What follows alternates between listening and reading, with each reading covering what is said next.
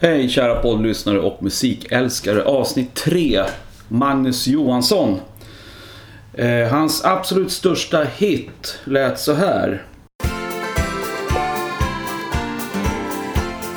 Vakna nu, Anneli, männen från Venedig De har stängt sin fabrik, du är faktiskt ledig Klä dig i något himmelsblått och på huvudet en kalott Kaffet kokar på vår spis, vakna nu, Anneli Ja, har du missat den där så får du ju skärpa dig. Magnus Johansson släppte sin eh, skiva 1990 efter Jakob Hellman och vann en Grammis för bästa nykomling. Och eh, hade även samma skivbolag och samma trummis som Jakob Hellman. Så att det fanns några kopplingar där. Eh, Det blev en EP och sen blev det tre album till. Sammanlagt fyra fullängdare och en EP. Och 1998 så kom den sista skivan med Magnus Johansson. Så att jag vill veta, vad hände sen? Okej, vi åker till Norrköping och träffar Magnus idag. Here we go! Hej Magnus! Hej! Hur är läget idag? Vad har du gjort en sån här grå söndag? Jag har sett på skidor och eh, vårdat min, eh, mitt, min lätta huvudvärk som jag skaffade mig i natt. Huvudvärk? Ja, lite lätt sådär. Det var lite partaj igår kväll. Ja. Mm. Det har Eh, inte hänt så mycket idag, än så länge. nej, jag förstår. Nej, men söndagar. det är en vilodag söndagen. Mm. Eh, jo, jag har ju en liten rolig grej i den här podden med kopplingar. Mm. Eh, och jag har en koppling mellan dig och mig. Mhm. Vi har en gemensam vän. Som heter Niklas Barve. Ja, just det. Just det. Han har du känt länge vad jag förstått enligt eh, Niklas i varje fall. Ja, det har jag gjort. Alltså, han är ju något av en, vad ska man säga, en legend i Norrköpings musikliv. Han har spelat i många band och så. Eh, så att jag har ju stött på honom titt som tätt sen ja, mitten av 80-talet en gång. Så, Ja, ja. Mm. ja det är länge. Ja, jag, jag träffade Nick, han bodde i Stockholm förut. Det. Och då spelade han med en kompis till mig Mm. som heter Micke Herrström. Ja, just det. Och eh, ja, jag blev lite involverad i Micke Herrströms eh, solokarriär. Och då lärde Barbo och jag känna varandra. Ja, just det. Eh, men sen flyttade han tillbaka till Norrping. Mm. Så nu har vi inte setts på ett tag. Nej, han har väl kvar sin restaurang där uppe, eller delägare i den. Mm, Levova, ja. Ja, precis. Precis. Och så jobbar han faktiskt rakt över gatan här. Jaha, okej. Kulturhuset Dynamo. Ja. Niklas Barve, gitarrist och basist kan man gott säga. precis. Han har även spelat på en demo som jag höll på med. Mhm. Ja. Okej. Han har Eh, spelat, spelat eh, gitarr på en eh, låt som jag spelade in en gång. Eh, en låt som hette Låt det rulla. Som var en låt till en av två fotbollssånger som jag har skrivit och gett ut Okej. till IFK Norrköping. Det finns ofta kopplingar i musikbranschen. Så är det. Ja. Eh, Jag tänkte höra med dig här om vi går tillbaka till 1989. Mm. Eh, innan du fick skivkontrakt med det stora skivbolaget. Eh, vad, eh, vad hade du gjort innan dess? Rent musikaliskt? Jag hade harvat runt i replokaler och, och spelat in kassetter och suttit hemma och skrivit låtar i kanske tio år. Och nästan hunnit tröttna faktiskt. Jag var Jaha. 99, då är jag ju alltså jag är 27 i alla fall. Det låter inte mycket nu, men, men då kändes det som att det var ganska mycket. Du höll på att tröttna? Ja, jag höll på att tröttna lite grann alltså, på, på att, att man... Eh, eh, jag menar att det inte... Det, vi kom ingenstans liksom. Vi Ja. stod och... och, och Demos vi- efter vi- demos. Demos efter demos och gjorde våra inspelningar. Jag hade varit periodvis fruktansvärt engagerad i låtskrivande och i planerande av skivor och av de här demokassetterna som var som våra små album. Eh, men eh, och jag tyckte väl att jag blev bättre och att vi blev bättre på det men, men det blev väl kanske ändå inte riktigt så bra som man hade tänkt och dessutom så, så kom vi ingenstans med det. Vi fick ingen kontrakt helt enkelt. Så att jag, jag började eh, lacka ur lite och tänkte att jag skulle pyssla med något annat helt enkelt. Jag förstår. Eh, så hur gick det då till? Du fick alltså skivkontrakt. Samma... Jag drar lite om Jakob Hellman här för att Jakob Hellman hade ju alltså gett ut en platta två år tidigare tror jag. Mm, Någonting. Något år tidigare bara kanske. Ja, och för poddlyssnarna då så... Ja, de flesta känner väl till Jakob Hellman. Han slog väl igenom kraftigt får man säga. Ja, verkligen. Eh, och då fick du skivkontrakt. Var det då via en demokassett som soloartist eller? Mm, det var det. Det var lite som sista rycket liksom. Jag, jag bestämde mig för att jag skulle ta och göra klart ett antal låtar som jag som jag hade spelat med, med, med det band som jag var med i då. Eh, och särskilt var det några låtar som vi då inte riktigt lyckades få till i bandet.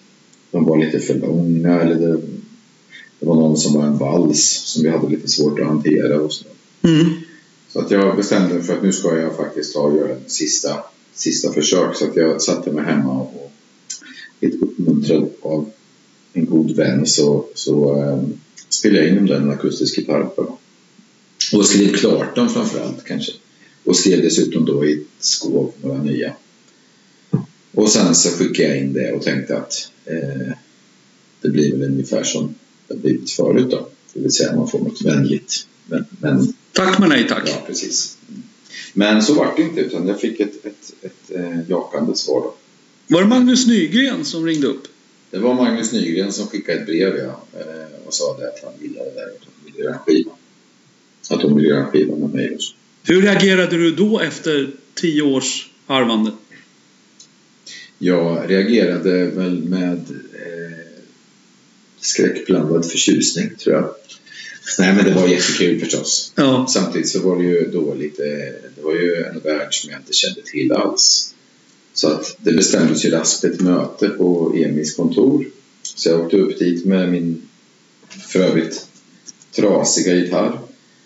Och trodde då kanske att jag skulle sättas på prov direkt där. Att jag skulle presentera fem låtar till och spela upp dem där för någon liten jury eller något sånt. Jag hade ingen aning om det. De bad dig ta med en gitarr? Nej, det sa de inte, men jag trodde kanske att det var bäst att ha med sig det. Liksom. Så jag eh, tog med mig den där gitarren. Och alldeles innan eh, mötet då skulle bli av så satt jag på något, på något fik intill där och skrev klart en sista låt för att ha någonting att spela upp för. Jaha, okej. Men så var det ju inte alls, utan de var ju jätte, det var ett samtal, de var jätteschyssta och trevliga. och Skrev du på samma möte då? det kommer jag inte ihåg. Nej, det tror jag inte. Men det bestämdes väl helt enkelt att vi skulle gå vidare. Liksom. Ja. Jaha, ja, där ser man.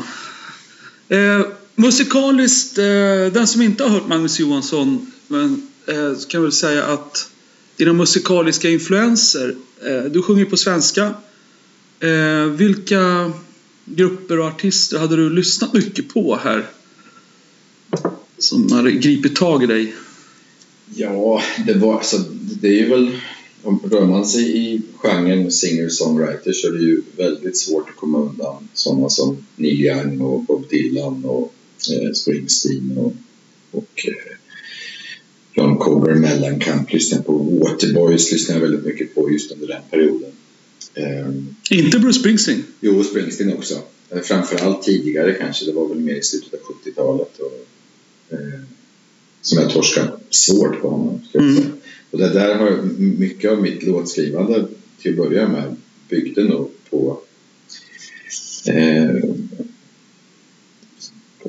han använde ofta samma strukturer som han liksom hade gjort. Så Mhm. jag, fick, jag fick det med, var som att jag blev injicerad av, av eh, en viss typ av låtskrivande. Och så där. Mm. Som mycket kom från honom. Men inte bara honom utan det var, fanns ju en del andra.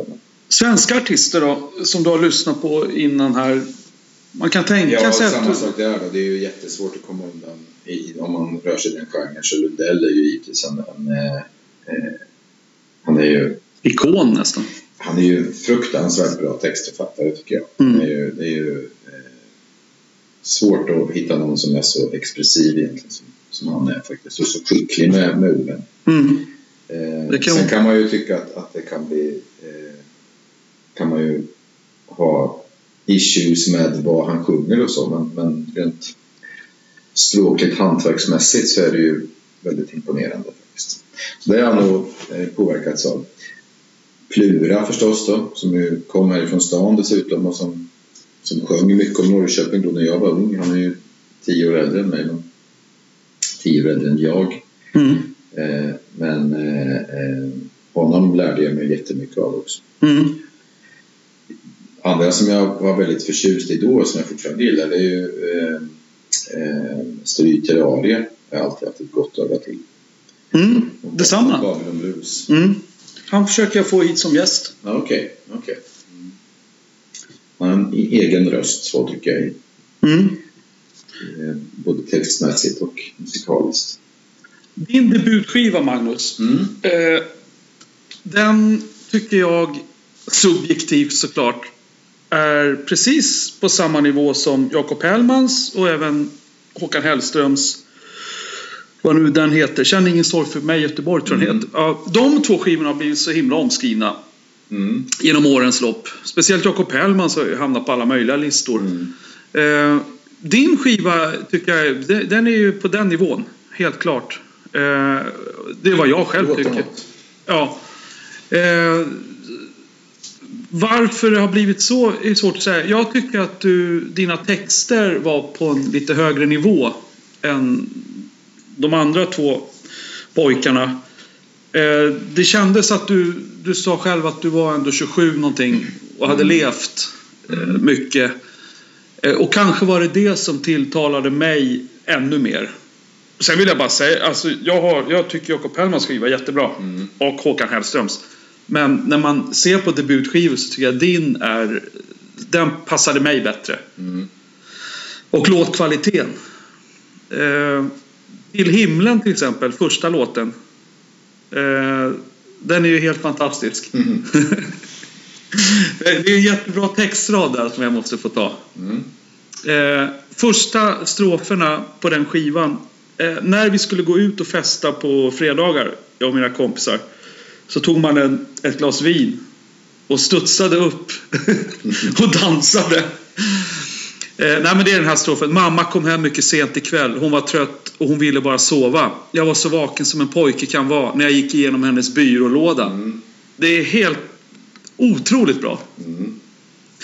Eh, och låt efter låt eh, tycker jag håller otroligt hög klass. Vi kan säga till poddlyssnaren, Magnus vann ju en Grammis. Mm. Bästa nykomling eller vart det bästa debutskivan? Bästa... eh, Där finns Nej, det är- ju ingenting. nej, det är samma sak. Ja, bästa nykomling var det. Mm. Och det är, eh, för de som inte vet, eh, Grammis är alltså svenska skivbranschens Oscarsnominering kan man säga. Eller Grammy, helt enkelt. Ja, eller Grammis, precis. Och hur kändes det att få en Grammy på debutskivan? Ja, det kändes skitbra. Får man säga. Du skulle gå upp och hålla ett tal där på, Ja. som sändes i TV. Ja, just det. Var du nervös då? Nej. Jo, det var jag. Eh, det var jag förstås. Fast det var väl inte så, så att man avled. Det var ju klart lite nervöst. Det var ju tv-sändning. Ja, det var ju direktsändning i TV vi satt och käkade samtidigt under visningen. Det var liksom en middagsbjudning som man satt på. Och vi hade ju fått en del att dricka och sådär också. Så. Ja. Ehm, och sen så var det dags då för oss att, för, för det här priset att annonseras då. Eh, och precis när de skulle säga vem som hade vunnit så, så tog ju han tugga mat. Och sen så sa de mitt namn och sen så vart det ju massa kameror och sånt där. Och lite folk som förde lite ståhej runt omkring. Så jag bara hoppade upp där och gick upp på scenen och fortsatte tugga på den där tuggan mat. Och då drabbade jag så av en rätt kraftig ändå liksom nervositet där när jag skulle ställa mig och prata där. Ja. Höll du ett långt tal? Jag kommer inte ihåg riktigt. Jag tror det vart lite långdraget faktiskt. jag var inte så, jag hade, hade faktiskt hade tänkt igenom lite vad jag skulle säga men, men eh, det försvann ganska ordentligt så att jag improviserade. Ja. Eh, och stod där och hummade lite. Och tuggade dessutom. Fortsatte tugga på den där Jaha. tuggan mat. Eh, Så att när jag kom hem här sen så, så fick jag ett, ett pris till för förmågan att få en munfull mat att räcka ett helt tal. Ja, det är en förmåga. Ja, precis. Jag tycker det, din debut är 5 plus. Eh, Det är några låtar som jag undrar över. Eh, En singel en singel från den här skivan var väl Min pappa är en flygkapten. Ja, just det. Ja. Första singeln. Första låten jag hörde med dig. Mm. På, skulle iväg till jobbet, P3, drämmer på den. Och det var, det var bara att stanna upp, höja och sen inte kunna göra något. Det är inte så ofta det händer. Eh, inte i mitt liv i varje fall. Utan de låtar jag har hört första gången och, in, och bara stannar upp. Det är, det är kanske fem låtar i mitt liv. Vilka var de andra då? Eh, när jag hörde Sweet Child of Mine med Guns N'. Roses första gången. Det här gitarrintrot. Ja. Då, då körde jag in till vägkanten faktiskt. Stannade vid motorväg. Det var så jävla sjukt. Eh, sen är det några till. Mm. Eh, ja, vad man undrade på den tiden då var ju naturligtvis, var den sann? Eh, är din pappa, eller var din pappa flygkapten? Undrade man. Jag i varje fall. Jag tror många undrade det. Ja, det var, frågan dök ju upp ibland. Ja, nej, det var han ju inte. Han var, men han var, han var borta lika mycket som en flygkapten. Så det var det som var Ja, okej. själva grejen. Han jobbade i en annan bransch. Ja, precis. Okej. Han var försäljare som ut och reste mycket. Ja, det gör de ju. Men han, var- var liksom lite typiskt vår generations fäder, de här som jobbade, jobbade, jobbade och eh, såg det som sin uppgift liksom. Mm. Och, och försörja familjen och inte vara hemma så mycket. Precis. Eh, till poddlyssnaren kan jag säga, lyssna på den låten på Spotify eh, så kan ni nog förstå att jag trodde att hela texten var sann. Mm. För att du sjunger väldigt bra. Mm. På alla låtar. Men Okej. just på den är ganska personlig Mm. prägel. Eh, Okej, det var intressant. Några andra låtar som jag blev helt knäckt av. Pojkarna som aldrig behövde sova. Mm. Eh, ja, den säger sig själv egentligen vad den handlar om. Eh, Mm. Slaktarens dotter. Mm. Otrolig titel och text. Mm. Eh, det är kanske lite tråkig fråga, men fanns det någon som var Slaktarens dotter som du hade som prototyp när du skrev den fantastiska låten? Det fanns flera faktiskt. Det var, lite, det var, det var från början en låt som hette Feber och den var riktad till en specifik kvinna. En, eh, ganska specifik i alla fall. Eller inspirerad av. Men sen så växte den där låten lite grann när jag höll på och skrev liksom resten av låtarna på skivan. För jag hade en idé om att den skulle bestå av ett persongalleri som lite skulle komma tillbaka i, i låtar som ett Mm. fiktivt samhälle Mhm. som jag kallar Tivolistan. Eh, och där så, så skulle bland annat den här slaktarens dotter finnas med. Då. Och hon fick liksom stå för fler saker sen. Och det som hängde kvar i mig och som jag fortfarande känner när jag, när jag hör den låten, när jag spelar den låten.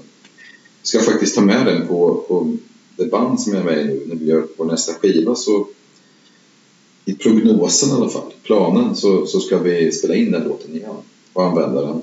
Mm, kul! Eh, Och det är en skiva som heter Politik, så alla låtarna på den skivan då, som kanske kommer att landa på 25-30 låtar faktiskt, eh, handlar på något sätt om politik. Då. Och Mm. för mig då så, så var det här, den här låten, den handlade det var ett slags hyllning till människor i offentlig sektor Mhm. Okej. som jobbar i, dag ut och dag in i, lite i, i, i det skymundan och i det tysta utan större åthävor. Gör en jävla massa nytta Mm. på skolor och på eh, vårdhem och sjukhus och arbetsförmedlingar, och socialkontor, och skolor, fritidsgårdar Mm. och så. Eh, Mhm. Det, var, det var det den handlade om? Okej. Ja, det kan man inte tro. det, finns en, det finns en nyckelvers, tredje versen är en, en sån där, där liksom jag beskriver den här tjejen då som någon som... Hon dansar vals. Nej, hon dansar vals. Nej, det, det är väl snarare som går till de sjuka, till de som lever på gränsen och de gamla Just säger att de sett henne förr, fast det var mycket länge sedan. Ja, fast det var mycket länge sedan. Det är otroligt bra. Så, eh, Lyssna på den, kära lyssnare. Eh, Jag, jag fastnade också för titeln. Alltså slaktarens Mm. dotter. Alltså slaktare, det är, det är ett sånt där yrke man tänker på Emil i Lönnebergas tid. Det var, det var så jävla bra... eh, Man får massa bilder framför sig. Sen har du en låt, hela skivan är kanon. Magdalena tog morgontåget till Katmandu. Ja. Hur kom den till? Var fanns det någon Magdalena på riktigt? Har en syrra som heter Magdalena. Och hon Eh, åkte dit? Nej, gjorde hon inte. Men jag hade varit där.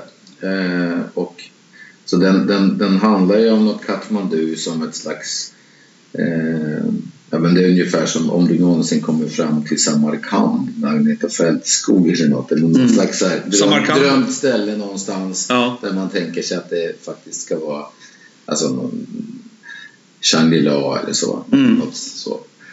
Ställe som, som man liksom det kan ju vara schysst att ha ett ställe dit man tänker att man, man ska försöka ta sig någon dag. Liksom. Mm, Ett mm. slags plan. sådär. Ja, det är intressant. Det, det, var, det var väl, den här låten handlar ju om, då, om en tjej som helt enkelt eh, höll den drömmen levande. Då, Mm. om att hon skulle ta sig dit. Liksom. Ja, otroligt bra. Otroligt driv i We're den. gonna get to that place we really wanna go and we'll walk in the sun. But till then, tramps like us. Born to run. Born to run.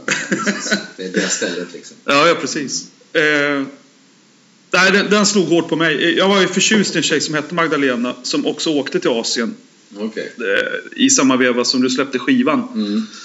Så den, den grep tag. Hon var borta typ ett år. Mm. Så det var en lång väntan. Mm. Okej, eh, jag tänkte höra med dig så här. Med denna eh, succé. Eh, du vann en Grammis. Mm. Och den sålde väl bra också. Eh, jag minns inte, men det får du berätta för mig. Eh, åkte du ut på någon sån här klassisk stor fet Sverige-turné efter den här... eh, jag säger succén. För jag tyckte Nej, du... inte alls. Utan det var jag hade ju, vi hade ju valt en, eller jag hade valt en, en lågprofil ingång. kan man Jaha, du ville inte åka ut? Ja, det var inte det det handlade om. Utan det, den här lågprofilgrejen handlade ju om att jag inte skulle göra några intervjuer. Jag skulle inte synas överhuvudtaget. Vilket ju då var en idé som tedde sig schysst då i alla fall. Vad tyckte Eh, skivbolag om den idén? de, det, det var nog delade meningar tror jag. Men, men den, den mannen som jag jobbade tillsammans med där, som heter Kjell Andersson, som var min producent och han var A&R ansvarig på EMI. Och hade ju jobbat ganska länge och Med Lundell han, mycket? Ja, precis. Ja. Och han frågade mig och han hade just liksom de hade just dragit in stora kulor med Roxette och sådär. Och så hade ju han varit Lundells producent och liksom lite bollplank så i, i många år. Mm. Ehm, Vad delade så han, han, meningar? han, han hade nog lite grann tror jag fått en känsla. Han hade, han hade fått en ganska kraftig dos av den här rätt överkommersialiserade branschen. Och han frågade mig då när vi höll på att göra skivan. Hur, vill du göra med media? Hur mycket, hur mycket vill du göra? Och jag då fortfarande ganska ungdomlig och så tyckte väl att, att eh, att jag tyckte att det var lite för mycket tjafs och bjäfs i, i runt det här med popmusik. Det var lite för mycket liksom eh, Yta? Ja, på något sätt. Kan ju låta lite larvigt. Men, men jag, jag, jag tyckte så i alla fall. Att, att det var, så jag tyckte att man skulle försöka vara lite stram. Sådär. Och Mm, mm.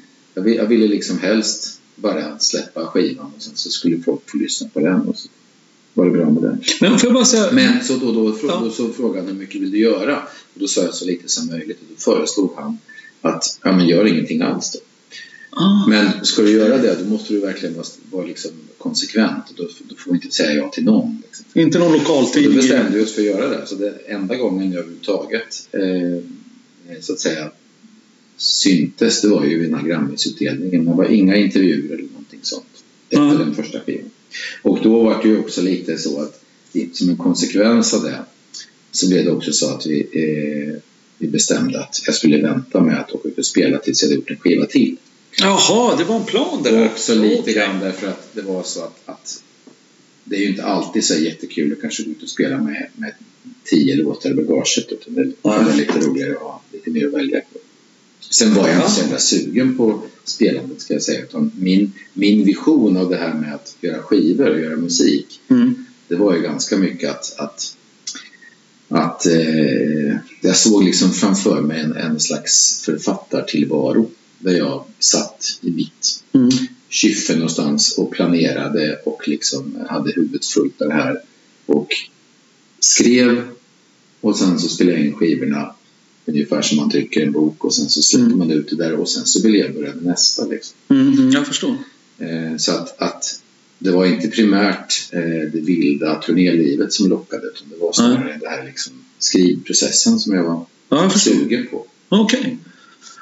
Det var en bra förklaring. Eh, du fick ju en megahit med... Vi går över till 1991. Mm. Då du släpper... Jag har den här låten Vakna nu Anneli. Mm. Den har jag på en femspårs-CD. Som Mm. någon slags bonus. Så jag vet inte om man kallar det för en EP eller en singel.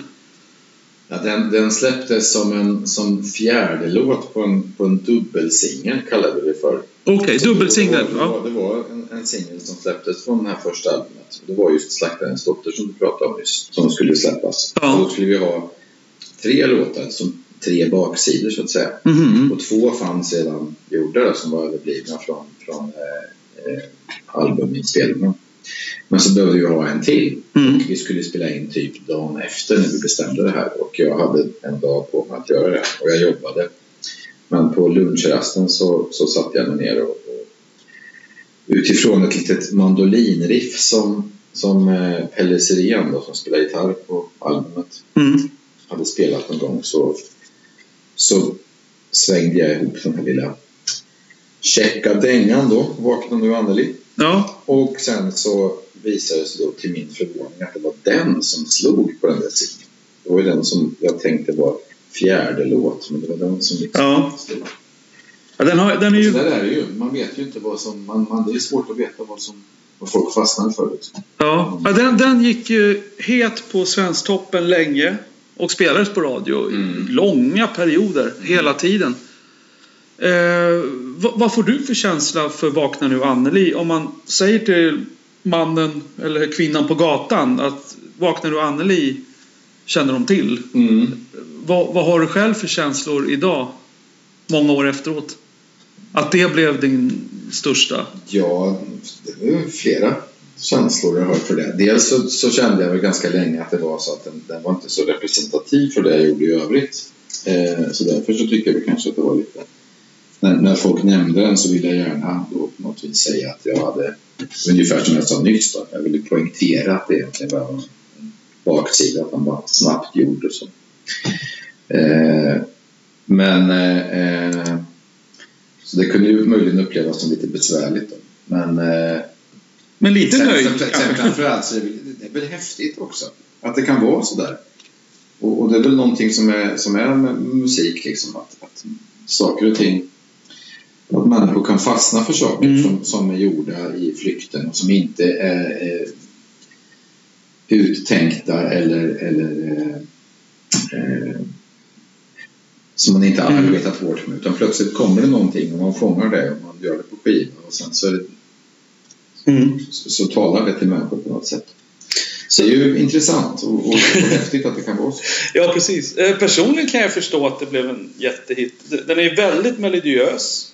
Och, Mm. och har det här mandolin Mm. mellanspelet som kommer. Mm. Den, den har ju på något sätt, och sen Vaknar nu Anneli. Det är också en väldigt eh, fängslande fras som kommer tillbaka hela tiden. Ja, det, är, det är en bra titel om man vill få den spelad på radion på morgnarna. Ja, precis. Men det Nej, var, jag men det var inte uttänkt faktiskt. Nej. Det var verkligen bara en... Jag hade gjort en, en annan singelbaksida som hette Anneli sover och jag tittar på. Så det var ju lite grann som en slags pendang till den låten också. Ja. Eh, Den tror jag är med förresten på den här Ja, CD-bonusen det var en, en bonusskiva där som, som innehöll alla, Alla fem, singelbaksidor. Ja, just det. Eh, Anneli sover och jag tittar på tror jag är spår 5 på den. Mm. Ja, Okej, en megahit här och jag spelar också upp Vakna nu Anneli en snutt Mm. i påan. Eh, och jag tänkte höra med dig, vi flyttar oss ett år framåt vilket Mm. är rätt snabbt jobbat av dig. 1992 släpps Magnus eh, uppföljare. Mm. 12 saker som jag lovat göra. Mm. Som jag har lovat göra. Nej, som jag lovat Tolv göra. saker som jag lovat att göra. Ja, just det. Jag kommer faktiskt inte Och den kom ju väldigt efterlängtad av mig och mina kompisar. Mm. Eh, för att det gick, ja det hade bara gått något år. Mm. Eh, jag, jag tänkte direkt så här att det där måste betyda 12 låtar som du har lovat att göra till Magnus Nygren. Ja, Nej, till han var skivbolag. kvar då faktiskt. Men Nej, nej, nej. i skivbolaget kan man väl säga. Det Ja, nej, ja, så tänkte jag. Och den, den har ju sina ljuspunkter. Mm. Här kommer morgonen. Eh, väntar i gathörnet på mig. När det regnar in hos mig. Om jag hade en sparbanksbok. Mm. Eh, kanonlåtar alltihopa. Kanske inte den skivan hade samma... Eh, på din debut så var varenda, varenda låt kändes som en hit för de var så jävla bra. Mm. De här är också jättebra. Kanske inte lika direkta, jag vet inte. Nej, de var, var ju inte, det var ju sånt som var skrivet under en mycket kortare tid. Ja, just Det det. innehöll ju inte alls lika mycket uppdämd längtan efter att få uttrycka sig och, och Du hade inte så lång tid på dig att skriva Nej, ner dem. Sen Ja. om, om man säger att de där första låtarna på första skivan, det var ju resultatet av min innehållsmässigt så var det liksom resultatet av min ungdom. Mm. Så, Det var därför det blev så bra ganska också. mycket. Ja, Ja. ja. men det, var- det är väl en, en ganska vanligt fenomen liksom. Ja, visst. blir så. Och nu så skulle jag ju skriva utifrån någonting, något annat perspektiv som ju var lite mer vagt och Mm. kort framförallt. Ni åkte till Värmland och spelade in va? Mm. I Koppom. Precis. Med, var det samma Sa- musiker på... Samma musiker som första? Eh, nej, eh, nu ska vi se. Verner Modegård på trummor va? Nej, han var inte med utan det var Mats Persson som spelade. Ja, Mats Persson. Han var ute med Eldkvarn kanske, Verner Modegård. Nej, det var inte den Mats Persson. Det finns två Mats Persson. Nej, Magnus Persson tänker du på. Ja, det gör jag. Precis. Det finns en Mats Persson också, en skåning som är eh, väldigt trevlig kille som spelar trummor på den skivan. Eh, Backa Hans Eriksson spelar bas bägge två. Ja, det var kanske Pelle det. Sirén var med på gitarr också. Men eh, Werner var inte med. Nej. Nej. Okej, så ni spelade in i Värmland. Eh, ja, jag, jag återkommer till det här temat Mm. än en gång. Eh, det blev inte någon turné där heller. Hade du samma strategi efter album nummer två som efter första? Som du berättade det, det, tidigare? Det, det blev faktiskt så. Jag gjorde inga intervjuer heller. Nej. Eh, och det var väl kanske inte enligt, enligt plan A, utan plan A var nog att vi skulle, skulle liksom lätta på förlåten där efter den där skivan. Men eh, av olika anledningar så blev det inte så. Jag kände mig lite... Jag, jag tyckte inte att jag riktigt eh, fick till den där skivan. Och de här låtarna jag räknar upp är kanonbra. Alltså. Men därav titeln lite grann. Ja. Så tror jag det var lite grann så att vi, vi sa att nu ska vi göra en skiva snabbt och jag ville givetvis smida medan järnet var varmt och så. Eh, men eh, och det gick ju bra, det gick ju att få ihop det. Och jag hade verkligen bestämt mig för att det skulle bli en skiva snabbt. Liksom. Men det var ganska mycket meck med att få till det och jag kände mig inte så jättenöjd efteråt utan då så kände jag att jag ville ta en liten paus ifrån det. Din, din eh, skivbolags... Jag gjorde det. Ja. Eh, Din skivbolagskollega där, Jakob Hellman. Mm. Han har ju än idag inte släppt någon ny skiva. Medan du släppte ju tre till. Vi kommer in på dem strax. Eh, Kände du av någonting av att, att du ville liksom inte hamna i hans läge? För han fick väl någon typ av skrivkramp eller vad det kan ha varit. Ja, jag vet, han, var, när, jag, när jag då hade gjort min första skiva, han, vi låg ju på samma skivbolag så jag visste ju, jag hörde ju vad han höll på med. Han höll på med lite inspelningar och så. Men fick väl inte till det på något sätt. Han testade lite olika, jag tror han spelade in några låtar med Wilmer X och, och, och så, men lyckades liksom inte riktigt. Eh, Kände du av där att ja, där vill jag inte hamna? Ja, men precis. Jag var väldigt mycket så att vad, jag skulle definitivt inte hamna i ett läge där jag inte, det inte blev något mer utan jag skulle ta mig igenom den liksom, eller ta mig över den tröskeln liksom, att faktiskt kunna göra en skiva till Mm. på kortare tid. Så, Mm. så var det. Ja, jag förstår. Eh, sen så hoppar vi, så inga turnéer och intervjuer efter andra plattan heller. Sen så hoppar vi fyra år framåt. Mm. 1996. Och det kan jag säga Magnus att eh, jag och mina fans, äh, inte mina fans, de som var fans till, till dig. Eh, vi gick ju där i fyra år och undrade. Man gick och undrade så här, fasen vad det tar tid. Eller, och sen gjorde du heller inga intervjuer. Så man visste liksom inte vad, vad du höll på med. Sen 96 kommer ett fullängdsalbum. Mm. Samma skivbolag, EMI. Vykort från Mars. Yes. Eh, såg du den skivan som någon comeback? Eh, fyra år i skivbranschen är ju är längre än vad det är i någon annan yrkesbransch. Försök hitta någon, någon artist som skulle gå med på att beskriva en skiva som en comeback. Det brukar ju vara ett standardsvar. Ingen. från dem att nej, nej, nej, det är ingen comeback. Nej, men det gjorde jag inte. Jag såg det inte som en comeback. Utan jag såg det bara som att jag hade haft en... en jag hade pysslat med annat. Du hade ett annat jobb. Du var inte heltidsmusiker efter andra plattan. Nej, det, det var väl det var någon, en tid, något par år som jag faktiskt då eh, till min oförställda förvåning insåg att man tjänar ju pengar på det här också. Var de två första sålde väl skitbra? Ja, de sålde bra. Eh, så att jag, men jag hade ju, jag hade ju liksom... Jag var ju, då var jag ju början av 90-talet, jag var ju 30 år. Det är klart att jag hade jobbat. Jag var tvungen att försörja mig. Så jag hade jobbat i 12 år och gått till skolan och sådär. Så, så att jag hade utbildat mig till, till lärare i svenska och historia. Innan jag gjorde första skivan till och med. Ja, okej. Jag hade, men så var det så att när jag spelade in den där skivan så gjorde jag ju det under studierna.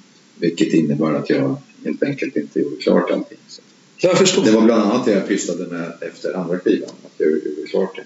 Och sen började jag jobba. För att jag, var ju, jag kunde inte leva på de där royaltiesarna hur länge som helst. Mm. Men Steampengar måste ha ramlat in.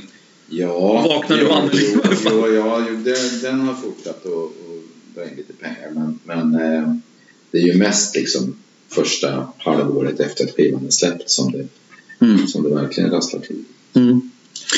Men så att jag hade jobbat som lärare helt enkelt. Och sen så parallellt med det så höll jag på då och, och planerade för den här tredje skivan. Mm. Och då tänkte jag väl att jag skulle inte göra det skulle inte behöva gå så snabbt som det gjorde till den andra utan jag skulle ge mig själv lite tid. Mm. Ja, vi blev ju glada när den kom. Eh, Johannes är en låt som eh, är riktigt bra driv i. Eh, där känns det som att du sjunger om någon du känner, men Mm. Det är en av, en av pojkarna som aldrig behövde sova. ja, säga. precis. Han är väl med i den också? va? Nej? Nej, det kanske han inte han är med där men han, han, eh, han, han heter något annat. Ja. Men det är en, det är en eh, mestadels kan man säga en, en, en eh, riktig person. Ja, för- Johannes och sen en låt som heter Vill vara vild. Mm. Riktigt bra. Och I natt. Helt otroligt bra. Man kan tänka att de tre låtarna är ju så bra så att de egentligen skulle kunna varit med på, på andra skivor. Fast de var inte skrivna då, men om du förstår vad jag menar nivåmässigt. Vad jag vill komma till är att den är underskattad. Den Ah, skivan. Det, det är det jag är ute efter. Johannes kunde lägga på din debut, kände jag. Ja, det kunde han ha gjort. Eh, Vill vad vill lika så. Mm. Eh, när du hade släppt Vykort från Mars, vad, vad hände där? Eller vad hände efter den var släppt med radio, tv och videos? Ja, då, då hade vi ju bestämt att, då, eller jag hade bestämt att nu så skulle vi inte hålla på och leka Greta Garbo längre utan nu skulle jag göra det här som man förväntades göra. Jaha, du släppte garden där. Ja, precis. Och då så... Min producent Kjell då, han hade ju liksom tyckt att det var en kul idé det här med att jag inte skulle göra intervjuer. Han ville ju testa den, den, eh, den eh, Principen. principen Ja. helt enkelt. Ja. Eh, Och tyckte också att det kunde kännas lite friskt och skönt att liksom inte hålla på och kladda med för mycket media och så. Mm. Eh, Men det fanns ju andra på skivbolaget som ju tyckte att, som menade det att, du, att, att jag skulle sälja mycket färre skivor om jag inte gjorde media. Och, eh, och de skulle tjäna mindre pengar förstås. Mm. Så, så att när den här tredje skivan skulle släppas det var också ett lite hårdare klimat skivförsäljningsmässigt. Och det var inte lika 1990 så var det ganska, ganska lätt att komma fram liksom, som någon som sjöng på svenska. Mm, Det, det fanns ett, en uppsjö artister som gjorde det då. Som, Ja, EMI släppte väl någon platta med Jari? ja, samma, samtidigt som mig. Ja, han lirade jag med. Men det gick åt Ja, okej, ja, Han fick, han fick inte ge ut något mer. Nej, precis. Nej. Men eh, eh, så 96 var det i alla fall lite hårdare. Ja. Då sa de att nu måste vi göra det här. Och jag kände också att jag hade fått barn och så. Och ville ju liksom fortsätta med det här så. Eller kunna ha möjlighet att göra i alla fall. Mm. Och då var jag ju tvungen att, att eh, försöka dra in så mycket kulor som möjligt på det. Åkte du ut lirade då efter den? Ja, det var meningen då Ja. att jag skulle göra det. Men eh, eh, jag gjorde då hela mediapaketet med, med tv och tidningar och sånt där. Så Mm. spelade i radio och, och i tv och Hela paketet? hade någon sån här uppslag i kvällstidningar och så. Men eh, den sålde ju inte alls lika bra den här skivan som, tidigare. Så att det var ju när vi väl började prata, vi hade lite möten om att, att jag skulle gå ut och spela. Eh, då var det ju i princip så att jag skulle få gå ut själv med kanske någon kompmusiker. Mhm. Inte ett fullt band? Nej, inte ett fullt band. Det här var ju en skiva som var, den är ju ganska, du som har lyssnat på den, den är ju ganska stor Mm. sin ljudbild. Ja, verkligen. Var en, var en idé. Det finns stråkar och det är liksom eh, cellos och, och mycket elgitarrer och keyboard och Mm. så. Så att Ja, den passar skulle jag spela den så skulle jag ju liksom vilja göra det med, med ett, ett fullt band. Mm, jag Så förstår. att det, även där så kändes det inte så jätteintressant. Och eftersom heller skivan inte sålde så mycket så fanns det inte så mycket underlag för en sån. Nej. Men det är klart att man kunde gett sig ut och, och liksom kämpat och så. Mm. Samtidigt så hade jag ju ett jobb Ja, ja, precis. också engagerad i. Det, det är ju det här med radiospelare också tycker jag. Ta en låt som Vill vara vild. Den, borde ju, den kunde ju lätt ha blivit en P3-dänga i hur länge som helst. Så det är väl mycket tillfälligheter kanske också. Mm. Eh, ja, framförallt Vill vara vild kände jag. Var- Varför skulle inte den kunna blivit en jättehit? Mm. Det trodde jag med. Men det är ju tillfällighet kanske, skivbolag och radio. Mm. Eh, Okej, vi hoppar vidare. Sen, sen går det lite fortare. Två år senare släpper du en till skiva. Mm. Eh, Simplistico. Precis. Ja. Och den är ju din fjärde fullängdsalbum. Mm. Och den... eh, Den kom ju ganska snabbt på Mm. där jämfört med fyra år. Mm. Eh, hur, eh, hur... Hade du snabbat på takten och ville komma tillbaka i... Det var, det var faktiskt så här Vad hände? När, när jag höll på och liksom projekterade den tredje skivan då så eh, skrev jag väldigt mycket. Och eh, det blev, var så pass mycket så vi började prata om att man skulle göra en du- dubbel, dubbel-CD. Men, men, men eh, samtidigt så var det också så att det utkristalliserade sig att det fanns liksom låtar av lite olika art. Mm. Och då föddes tanken på att vi skulle göra två stycken separata skivor och släppa dem samtidigt. En som skulle vara väldigt stor, då, Vykort från Mars, och sen så en som skulle vara väldigt liten i, sin sättning och i sin, sin arrangemang. Ja, som... Okej. Och sen så det skulle bli lite grann som en, som en syster och brorskiva så att säga. Mm. Eh, eh, Så först var jag sna- tänkte jag att den skulle släppas samtidigt. Sen så hade vi en idé om att den skulle komma med kanske bara några månaders mellanrum. då. Så att Vykortsen Mars skulle släppas slå stort och eh, rendera en väldig massa uppmärksamhet. Och sen då ett halvår senare Mm. så skulle jag plötsligt släppa en kompletterande skiva så att säga. Mm. Lite mer lågmäld eller vad man ska säga. Ja, precis. Ja. Med, med, med en lågmäld när det handlar om arrangemang och sättning. Liksom. Så Mm. det var, Men det tog två år ändå. ja, nej, men för sen så var, var det ju... Dels hade jag svårt att hinna med det. Jag jobbar ju faktiskt heltid samtidigt också. Mm. Så att eh, det dröjde lite och sen så var det ju inte riktigt den effekten av vykort från mars som jag hade hoppats på. Det. Mm. då kunde jag inte rida på den. Mm, jag förstår. Ja, den, den, den, eh, eh, det vilda tur och retur. Kanonlåt. Det är ju, det är ju liksom en, en eh, fortsättning på det där Ja, Vill från vykort från Vykort. ja visst. Ta mig tillbaka. Kanonlåt. Sen, sen eh, finns det en låt som heter Eld. Och där hittar jag en liten koppling till Plura. Mm. Andra albumet så målade Plura omslaget va? Mm, just det. Ja. Och eh, låten Eld på din fjärde skiva så sjunger du duett med Mm. Plura. Jag plurar. Ja. Ja, ni känner varandra antar jag då? Ni är uppvuxna i samma stad? Och... Nej, inte härifrån. Men, han låg ju på EMI. Eller han låg på EMI. Jag träffade honom inte först förrän jag eh, började spela in skivor. Ja, ja, okej. Så inte, det var inte i Norrköping ni hängde Nej, runt? nej. Nej, han är, han är äldre än vad... Eh, du gör ju Dodge, vill jag också nämna. Mm. Bra låt. Eh, spår nummer 12 är en av dina få, eller kanske enda, cover som du har spelat in. Eh, det är en Ulf Lundell-låt. Mm. Som en syster som... Nu kommer jag inte på vilken skiva den är med på. Den är inte med på Längre inåt landet. Eh, Den, den, nu ska vi se, den finns ju med på... Eh, En live-skiva. Live-skiva Ja, först. Ja. Natten hade och sen varit... så finns den dessutom med som en liten gömd bonuslåt på Längre inåt landet. också. Ja, det är en bonuslåt, tack. Den är med på Längre inåt landet, kära poddlyssnare. Men inte utskriven. Men, men Lundell kör den ofta live, vill jag minnas. På det glada 80-talet. Mm. Eh, den gjorde du en cover på. Mm. Eh, Var det lätt att få tillstånd att spela in den med rättigheter och förlag och sånt där? Jag tror inte att det behövs faktiskt. Eh, om man bara liksom inte ändrar låten.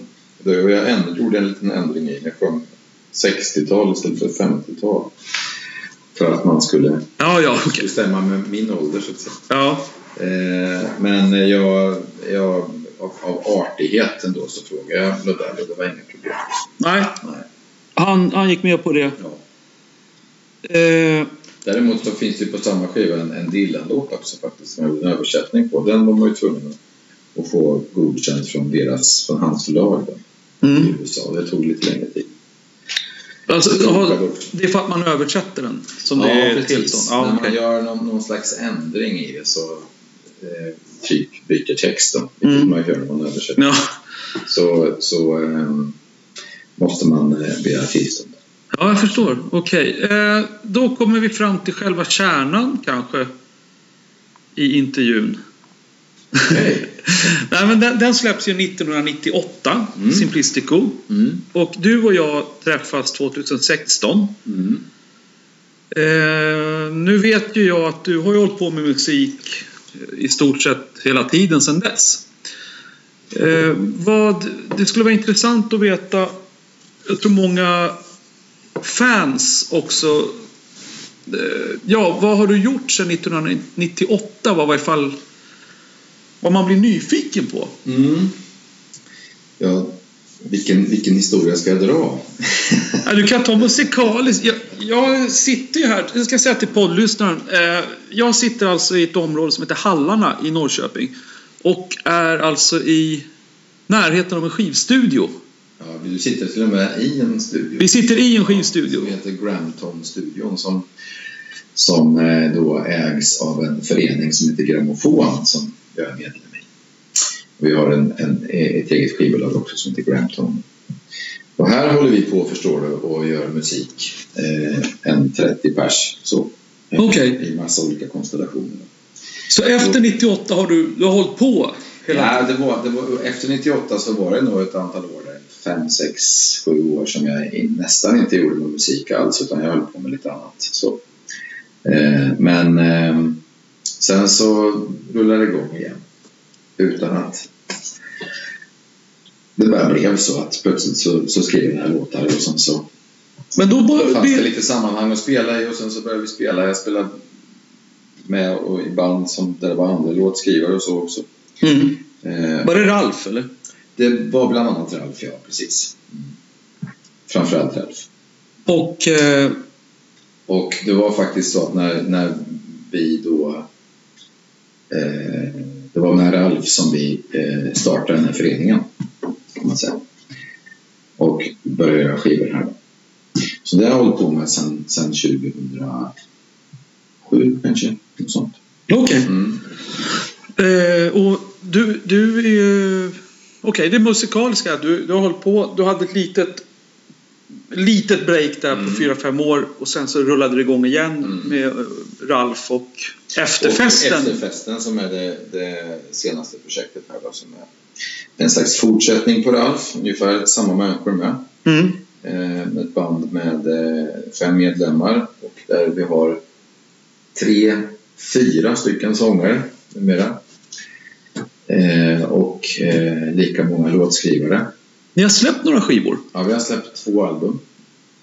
Eh, sånger från Arlanda och Mm, en som heter En resa från B till A som kom förra året. Eller i år kom den förresten. Ja, just det. Du åkte inte till EMI med de tejperna? Nej, det gjorde jag inte. Jag har haft lite kontakt faktiskt fortfarande med, med Kjell, men han har, han har slutat på EMI. Så att, eh, Han måste vara pensionär nu va? ja, han är pensionär. Ja. Men när vi gjorde den första då, det här eh, Sånger från Arlanda 2013, då så hade vi lite kontakt och pratade lite om möjligheten att, att de skulle ge ut den. Men, men eh, eh, så blev det inte. Nej, nej, men skivbranschen nu är stenhård. Mm. Det är väl knappt att de signar någonting längre. Alla lägger ut på Spotify. Och sen har de det är distribution. lite svårt att veta vad man ska ha skivbolag till nu tror jag. Ja, Utan att vara någon som helst expert på det. Men det verkar ju lite som att... ja, det är väl marknadsföring. Ja, det är väl det. Men Ja. jag vet inte heller riktigt vad, jag vet inte vad marknad, marknadsföring går till nu för tiden. Nej. Eh. Okej. Eh, först ett band som heter Ralf och sen Efterfesten. Mm. Släppt två plattor. Mm. Eh, så du har hållit på helt enkelt. Eh, då tänkte jag avrunda med några roliga frågor här. Eh, om du vill välja ut från din solokarriär eh, dina tre egna absoluta favoriter. Från alla fyra album. Okej. Den- Hur många sa du? Tre? Ja. Tre, tre låtar. Som är odödliga. Det där är ju as svårt. Men eh, eh, Slaktarens dotter skulle jag nog ta med som vi har nämnt tidigare. Det kan jag Därför förstå. att det är en sån där låt som jag fortfarande tycker känns schysst att sjunga. Ehm, Den spelade du i Stockholm live. ja, På just det. Söder. Ja, Ja. precis. Just det. Just det. Tillsammans med Roger Karlsson. Ja. Eh, ja, men den måste vara med. Sen så skulle jag nog ta med... Eh, ja... Dodge, kanske. Mm. Mm, Den har vi pratat om. den har vi pratat om också. Den gillar jag.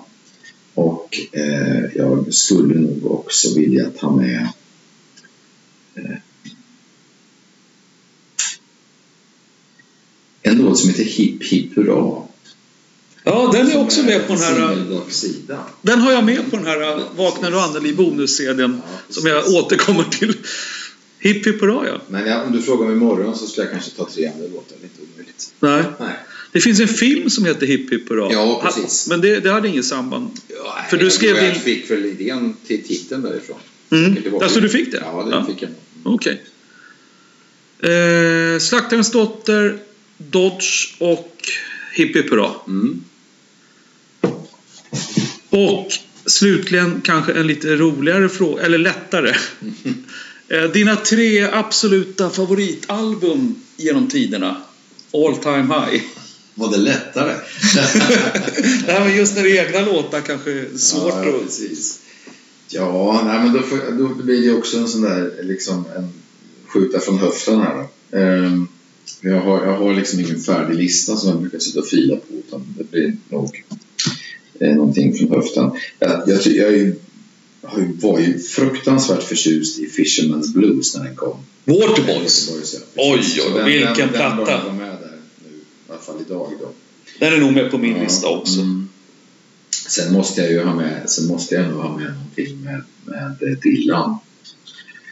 För att jag tycker att han är ändå den som kanske har haft störst betydelse för, för vad liksom rockmusik och popmusik kan vara idag.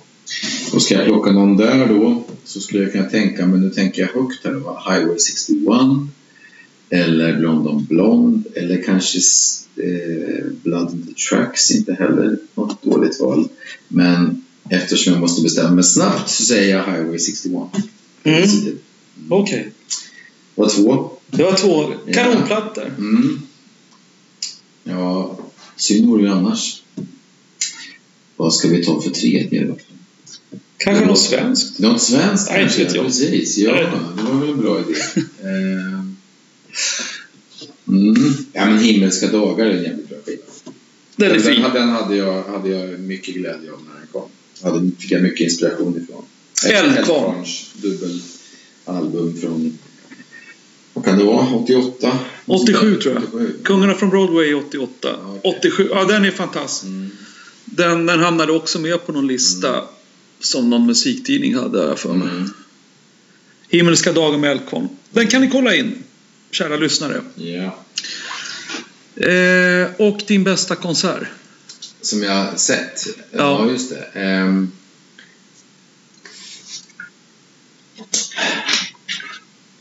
Kanske U2 på Konserthuset 1982 tror jag det var. Alltså Stockholms konserthus? ja, precis. men vad fan, jag var där! Var du? Ja!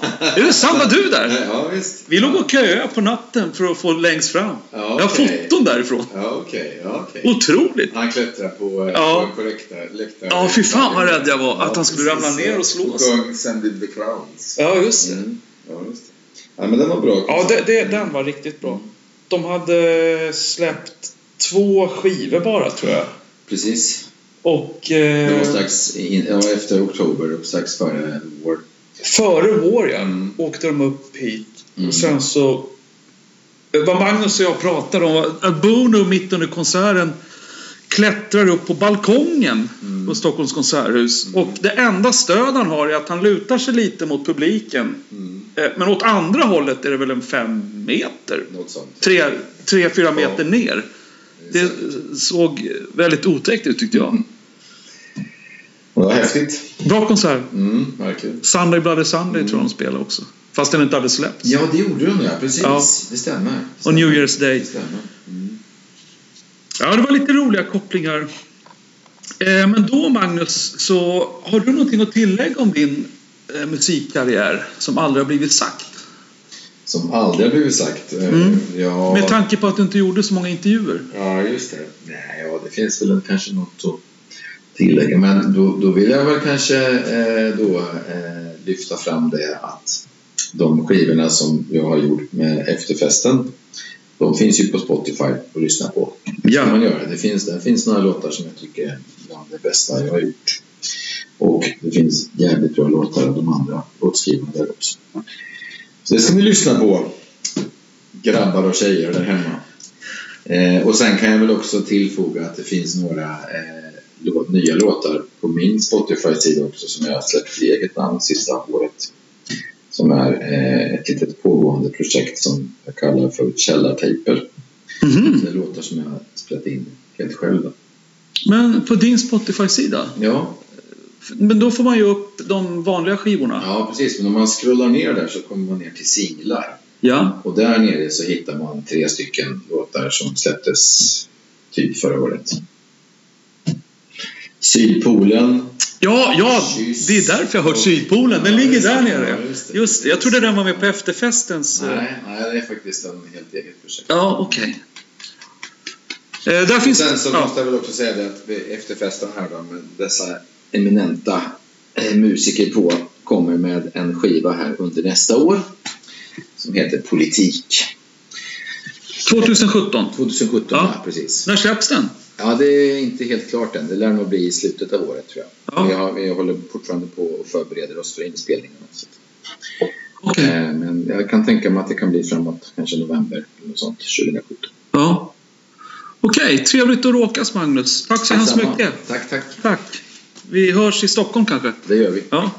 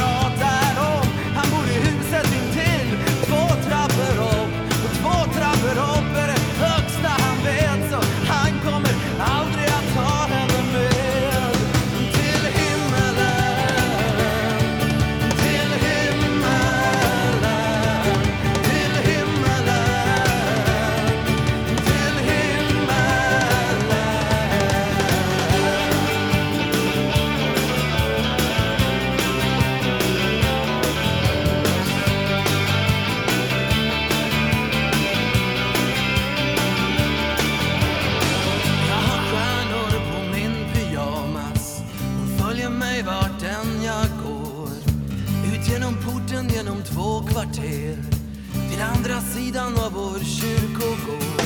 Där bor du och du lever ensam. Du hade en man och jag tror att han dog. Och du har svarta tapeter i ditt sovrum. Det har jag hört av min storebror. Och pappa säger att om mamma är vatten, då är du så mycket mera än sprit. Och mamma säger att du är som natten, så lätt att springa vilse i. Och i trädgård där växer det saker som ingen människa har gett någon namn. Jag visar dig vägen genom stans kloaker om du låter mig smaka lite grann. Och här har